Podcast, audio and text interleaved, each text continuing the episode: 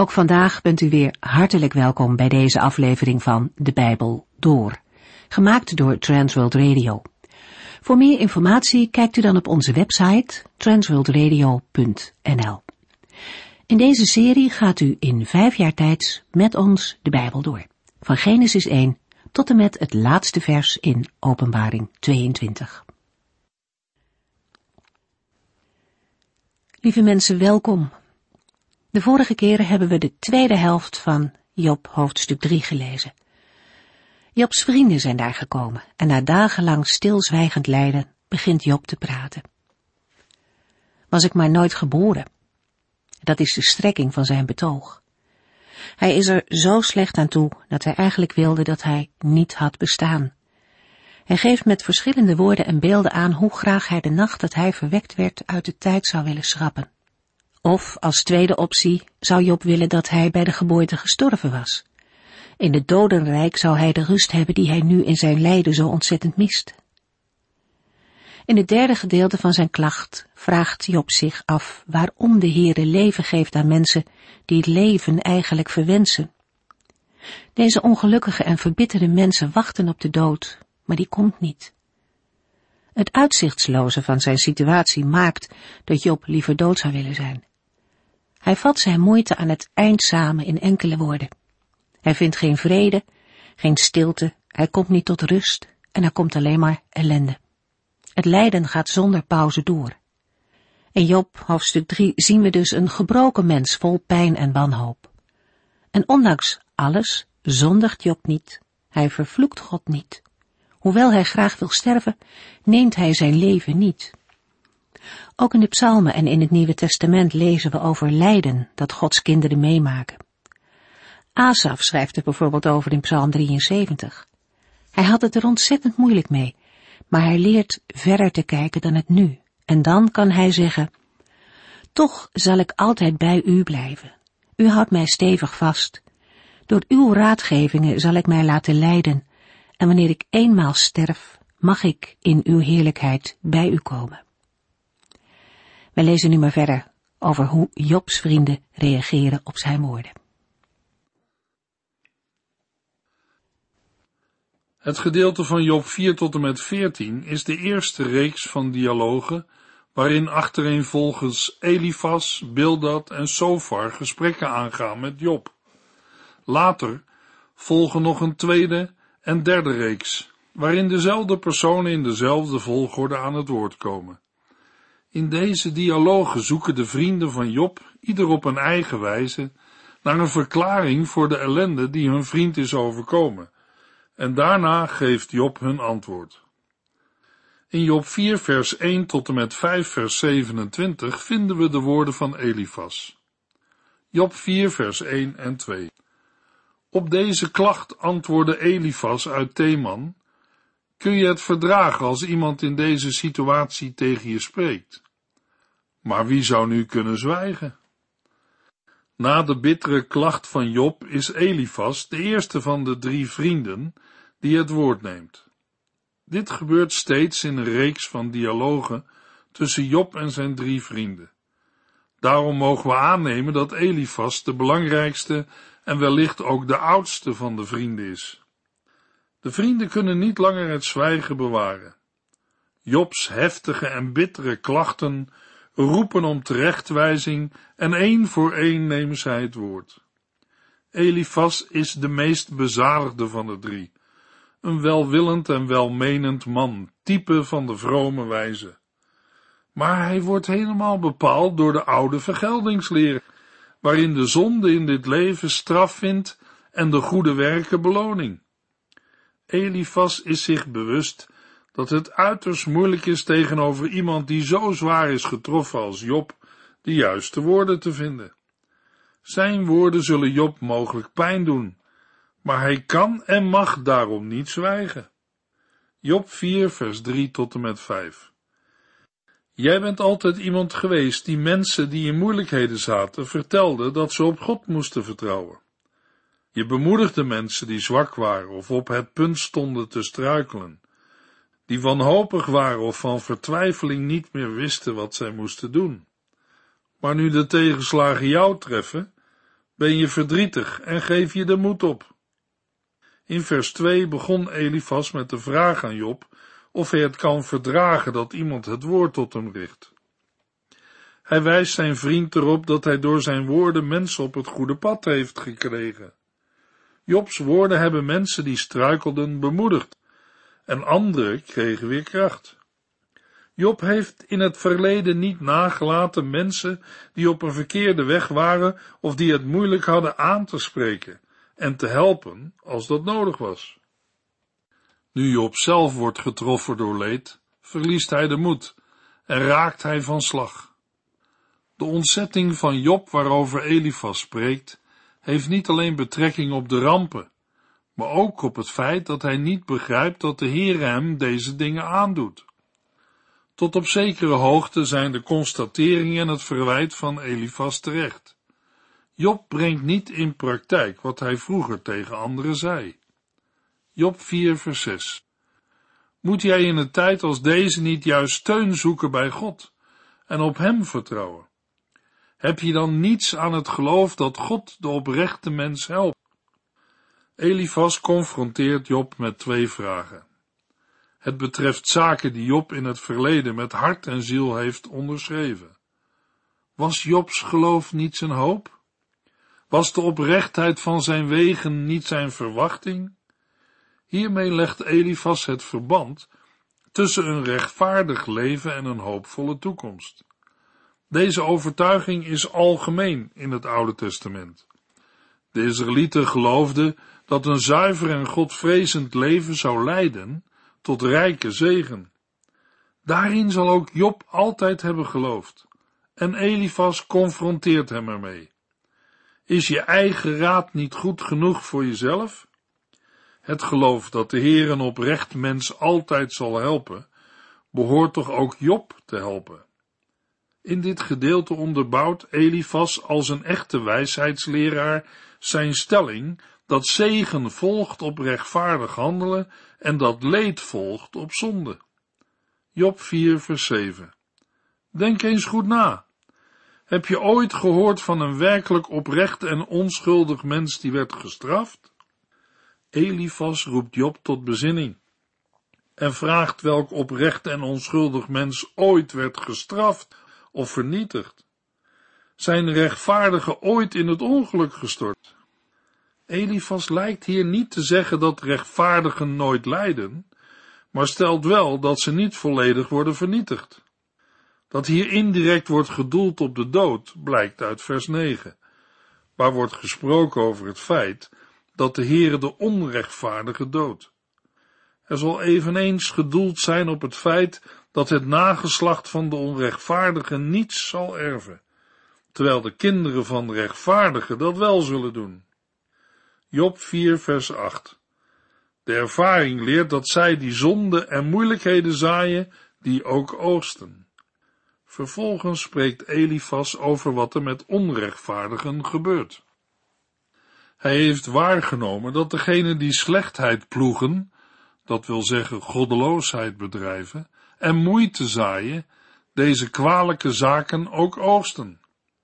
Job 4 vers 9 Door Gods adem worden zij uit het leven weggevaagd. De straf die de boosdoeners overkomt, is dat de adem van God hen vernietigt en dat ze door de adem van zijn neus verdwijnen.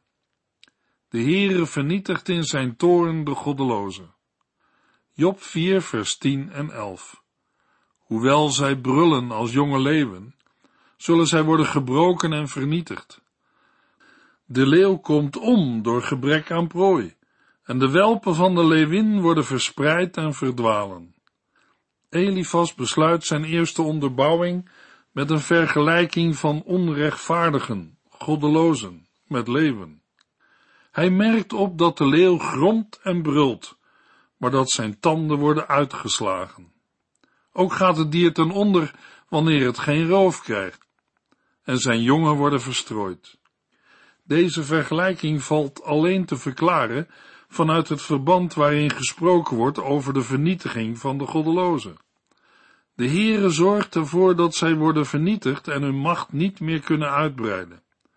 Om deze stelling kracht bij te zetten, gebruikt Elifas het beeld van een leeuw, een vernietigend dier dat onoverwinnelijk lijkt.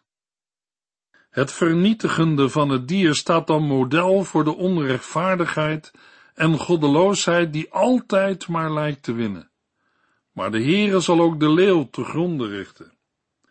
In het Oude Testament worden acht verschillende namen voor leeuwen gebruikt.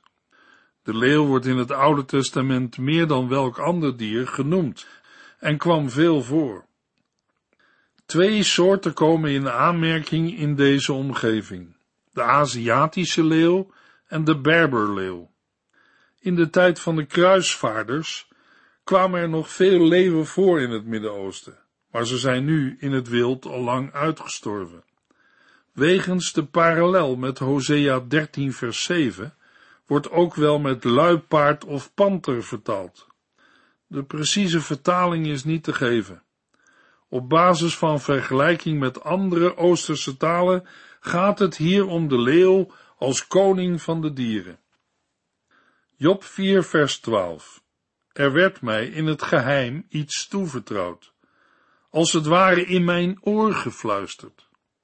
Na een bewijsvoering uit zaken die in de schepping aanwijsbaar zijn, beroept Elifas zich op een openbaring die hij heeft ontvangen. Hij verklaart dat hem in het geheim een woord is toevertrouwd en dat hij een kort woord heeft ontvangen. Job 4 vers 13 en 14 Tussen onrustige dromen in de nacht, toen de mensen sliepen, vloog plotseling de angst mij naar de keel en ik beefde over mijn hele lichaam. Elifas beschrijft de omstandigheden waaronder het woord tot hem kwam. Tijdens onrustige gedachten, voortkomen uit nachtelijke visioenen, als een diepe slaap over de mensen is gekomen. Een diepe slaap wordt in de Bijbel vaker geassocieerd met contact met God. Een gewone slaap vinden we in de Bijbel bijvoorbeeld in Jona 1 vers 5. Elifas was tijdens het visioen overvallen door angst en beven. Hij beefde over zijn hele lichaam. De onrustige dromen in de nacht veroorzaakten bij Elifas een diepe angst en pijn. Job 4, vers 15 tot en met 17. Een adem streek langs mijn gezicht. De wind deed mij huiveren.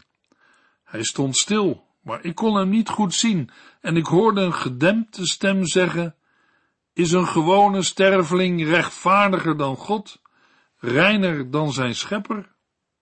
Hierna trok een geest langs het gezicht van Elifas, waardoor de haren van zijn lichaam rechtop gingen staan.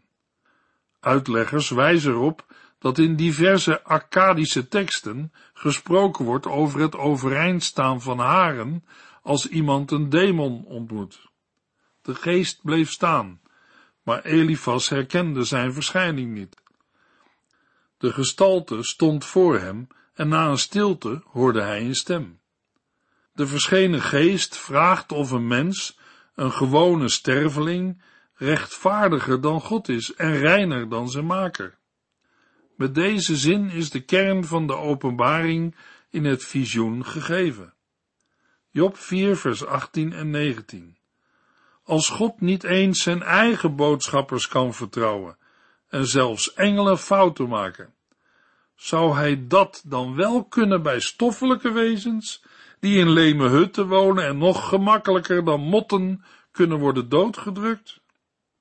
Omdat vers 18 ook op de engelen betrekking heeft en het karakter van een climax heeft, is het aannemelijker dat dit ook in het visioen is gezegd. De boodschap is dat de Heere geen vertrouwen stelt in zijn dienaren. Mensen kunnen dienaar van God zijn, zoals Abraham en ook Job, maar er kunnen ook hemelse dienaren bedoeld zijn, engelen of zonen van God. Met de woorden zelfs engelen maken fouten wordt teruggegrepen op de gevallen zonen van God, engelen, uit Genesis 6 en door de geschiedenis van de val van Satan. De beperkte rechtvaardigheid van mensen, stoffelijke wezens, en engelen is een opstap naar gewone mensen die nog minder te vertrouwen zijn. Job 4 vers 20 en 21 S'morgens leven zij, maar s'avonds zijn ze al dood. Voor altijd verdwenen, zonder dat ook maar iemand een gedachte aan hen schenkt. Hun levensdraad wordt doorgeknipt en zij sterven zonder iets bij het leven gewonnen te hebben. In de laatste verse wordt de vergankelijkheid van een mens aangegeven door het beeld van een tent. Het tentkoord wordt losgemaakt en zij sterven. Er wordt evenwel bij opgemerkt dat ze sterven, zonder iets bij het leven gewonnen te hebben.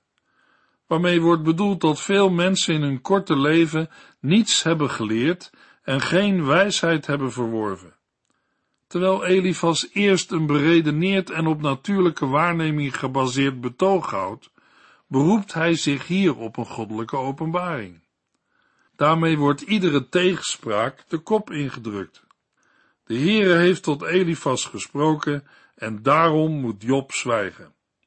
Met dit visioen probeert Elifas te onderstrepen dat Job niet zuiver of rechtvaardig kan zijn voor de Heere, ondanks het geloof van Job. Daarmee gaat Elifas in tegen Gods eigen uitspraken in Job 1 vers 8 en 2 vers 3. Daarmee komt de vraag op of we hier wel te maken hebben met een openbaring van de Heere. Er zijn veel uitleggers die menen dat God of een engel aan Elifas verscheen en dat de beschreven verschijnselen passen bij een verschijning van de Heere. Daarbij is het mogelijk dat Elifas verkeerde conclusies trok en die ten onrechte op Job toepaste.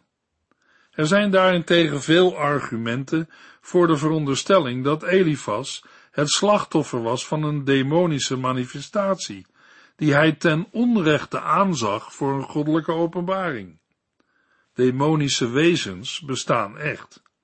Ze geven vals onderwijs en misleiden. Er zijn meer dan tien argumenten te vinden die het aannemelijk maken dat niet God zelf of een goede engel aan Elifas verscheen, maar een demonische gestalte, een geest die in verbinding stond met de Satan. Deze conclusie geeft aan de gesprekken van Job en zijn vrienden een bijzonder gewicht. We moeten nu helemaal goed opletten wat in overeenstemming is met het totale bijbelse getuigenis en wat niet. Toen en nu is de gave van het onderscheiden van de geesten nodig. Paulus benoemt de mogelijkheid dat zelfs een engel uit de hemel een ander evangelie kan brengen. Tevens wordt in de geschiedenis van Job het woord van Jezus geïllustreerd dat hij tegen Petrus en de andere discipelen sprak in Lucas 22 vers 31. Satan heeft gesmeekt of hij jullie door elkaar mag schudden, als tarwe in een zeef. Maar ik heb gebeden dat je geloof je niet in de steek zal laten. Daarmee stemt de belofte overeen dat de Heere met de verzoeking ook voor een uitweg zal zorgen. Job 5 vers 1 Roep toch, maar wie zal antwoord geven? Tot wie in de hemel kun je je richten? In Job 5 vers 1 tot en met 7 wordt verwezen naar de klacht die Job in hoofdstuk 3 tegen de Heere heeft geuit. Het is aannemelijk dat Elifas in hoofdstuk 5 zelf aan het woord is en de inhoud van de nachtelijke boodschap niet wordt voortgezet. Elifas reageert op de woorden van Job uit Job 3. Elifas zegt, roep toch, maar wie zal antwoord geven? Wie zal Job kunnen helpen in dat wat de Heer hem heeft aangedaan? In rechtszaken geldt roepen vaak als aanduiding voor het uiten van een aanklacht, terwijl antwoorden verband houdt met de verdediging.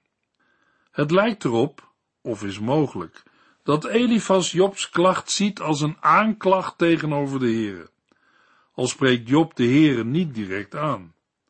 In de psalmen zien we regelmatig dat op een klacht tot de Heere een antwoord volgt. De ernst van onverhoorde jammerklachten komt naar voren in Psalm 22, vers 3. In het tweede gedeelte van vers 1 vraagt Elifas: Tot wie in de hemel kun je je richten? Wellicht is hier sprake van een terugverwijzing naar de engelen uit Job 1 en 2. In de zin van gelovigen of heiligen komen we hen tegen in Job 15 en Psalm 89. Kan Job een beroep doen op de engelen of heiligen in de hemel? Hiermee suggereert Elifas dat het roepen van Job zinloos is vanwege de veronderstelde samenhang tussen zonde en straf. Buiten de Heer is er niemand waarop een mens een beroep kan doen. Maar, al dus Elifas, door de zonde van Job wacht er bij de Heer alleen maar straf, en tot wie in de hemel kun je je nu nog richten? Job 5, vers 2 en 3. De dwaas ergert zich dood, en een onverstandige sterft van jaloezie. Ik heb zelf gezien hoe het een dwaas goed ging, maar ook hoe plotseling het onheil over hem kwam. Vervolgens stelt Elifas dat de dwaas sterft aan ergernis en dat degene die dom is, iemand die zich gemakkelijk laat verleiden, doodgaat aan jaloezie. Het verzet van Job is niet alleen nutteloos, maar ook schadelijk. Jobs dwaasheid en onverstand leiden immers tot zijn dood. We moeten de woorden van Elifas zo opvatten dat kenmerken als dwaasheid en jaloezie door de Heere zelf worden bestraft met de dood. Elifas heeft het beeld van de straffende God voor ogen. Nadat Elifas Job heeft gewezen op de schadelijke gevolgen van zijn dwaasheid, maakt hij verder duidelijk wat het lot van de dwaas is. Hij beroept zich daarbij op eigen ervaring en refereert aan een bepaalde situatie. Het betreft een dwaas die wortel heeft geschoten, een aanduiding die aangeeft dat iemand welvarend is geworden. Een welvarend mens wordt in Job vaker omschreven als een plant of een boom die geworteld is. Maar plotseling kwam er onheil over hem. Het is mogelijk in deze woorden van Elifas een relatie aan te wijzen tussen de vervloeking van de geboortedag door Job. Voor het woord onheil in de vertaling van het boek staat in de Hebreeuwse grondtekst vervloeking. Ook het verband doet een ingrijpen van God vermoeden. De betekenis is duidelijk. De nakomelingen van de dwaas blijven alleen achter. Elifas zegt dat hij gezien heeft hoe het de dwaze en goddeloze wel gaat, maar tenslotte worden ze neergehaald. Dezelfde constatering lezen we bij David. Hij schrijft in Psalm 37, vers 35 en 36, Ik zag eens een godloos mens. Het leek heel wat, en hij breidde zich uit als een grote woekerplant, maar opeens was hij weg. Ik zocht naar hem, maar kon hem niet vinden. Een mens kan zich afvragen, waarom komt de Heere niet in actie tegen de slechte mensen? Luisteraar, dat zal de Heer ook zeker doen. Maar niet op het moment dat wij dat willen, maar op zijn tijd en wijze. Elifas schaart Job bij de dwazen, die wortelden en bloeiden en dan plotseling worden neergehaald. Job 4, vers 4 tot en met 7. Zijn kinderen bleven eenzaam en vertrapt achter, en er was niemand die voor hen opkwam. Zijn oogsten werden door hongerige mensen gestolen, zelfs het koren tussen de dorens. Zijn rijkdom was een gemakkelijke prooi voor rovers. Want onheil komt niet zomaar uit de aarde opzetten. Moeilijkheden groeien niet uit de grond op. Maar de mens wordt geboren voor moeite en ellende, net zo zeker als vonken omhoog schieten. Vers 4 moeten we lezen tegen de achtergrond van de rechtspraak in de poort van de stad. Als gevolg van het onheil dat de dwaas overkwam, raakten zijn kinderen verstoken van bijstand en liggen ze verbrijzeld in de poort, terwijl er geen helper is. Bij de vroegere stadspoorten waren ruimten waarin recht werd gesproken. De tekst van vers 4 geeft dan ook aan dat de kinderen van de dwaas vernederd zijn en geen juridische bijstand kunnen verwachten. Ook loopt de dwaas zelf het risico zijn bezit kwijt te raken. Dat komt naar voren in de beschrijving van de hongerige mensen die de oogst van de dwaas opeten. We hebben hier wellicht te maken met groepen plunderaars die de oogst weghalen. Ze gaan hierbij zo ver dat ze zelfs het koren tussen de dorens weghalen. Ze gaan grondig te werk. Met deze omschrijving wordt de kwetsbaarheid van de dwaas en zijn kinderen weergegeven, en ook dat ze al hun bezit kwijt zullen raken. Vanzelfsprekend moeten we er daarbij van uitgaan dat Elifas Job identificeert met een dergelijke dwaas. Nadat Elifas een concrete situatie heeft beschreven, gaat hij vervolgens over tot een algemeen principe, waarin hij de oorsprong van het lijden van de genoemde dwaas verklaart. Hij wijst erop dat kwaad en onheil niet voortkomt uit het stof en dat moeilijkheden niet uit de grond groeien. Daarmee geeft Elifas aan dat ellende en onderdrukking niet voorkomen uit het stof van de aarde zelf. Dat heeft tot gevolg dat Job zijn onheil niet mag toeschrijven aan de natuur, maar aan iets anders. Lijden is een straf. Waar Elifas in zijn redenering naartoe wil, komt naar voren in vers 7. Maar de mens wordt geboren voor moeite en ellende. Daarmee wil uitgedrukt zijn dat de mens in moeite te leven heeft. Maar de nadruk zal hier toch liggen op de moeite die wordt veroorzaakt door de mens zelf. Hier is een nuanceverschil aanwijsbaar met Job 4 vers 8, waar expliciet wordt gezegd dat de mens zijn eigen onheil veroorzaakt. Job 5 vers 7 benadrukt dat de mens in moeite vervalt. Deze moeite is deels door het individu zelf veroorzaakt en is deels een gegeven. Job 5 vers 7 vindt aansluiting bij Job 15 vers 35, waar wordt opgemerkt dat degenen die onrecht dragen het ook veroorzaken. In de volgende uitzending lezen we verder in Job 5. U heeft geluisterd naar De Bijbel Door, in het Nederlands vertaald en bewerkt door Transworld Radio. Een programma waarin we in vijf jaar tijd de hele Bijbel doorgaan. Als u wilt reageren op deze uitzending of u heeft vragen, dan kunt u contact met ons opnemen.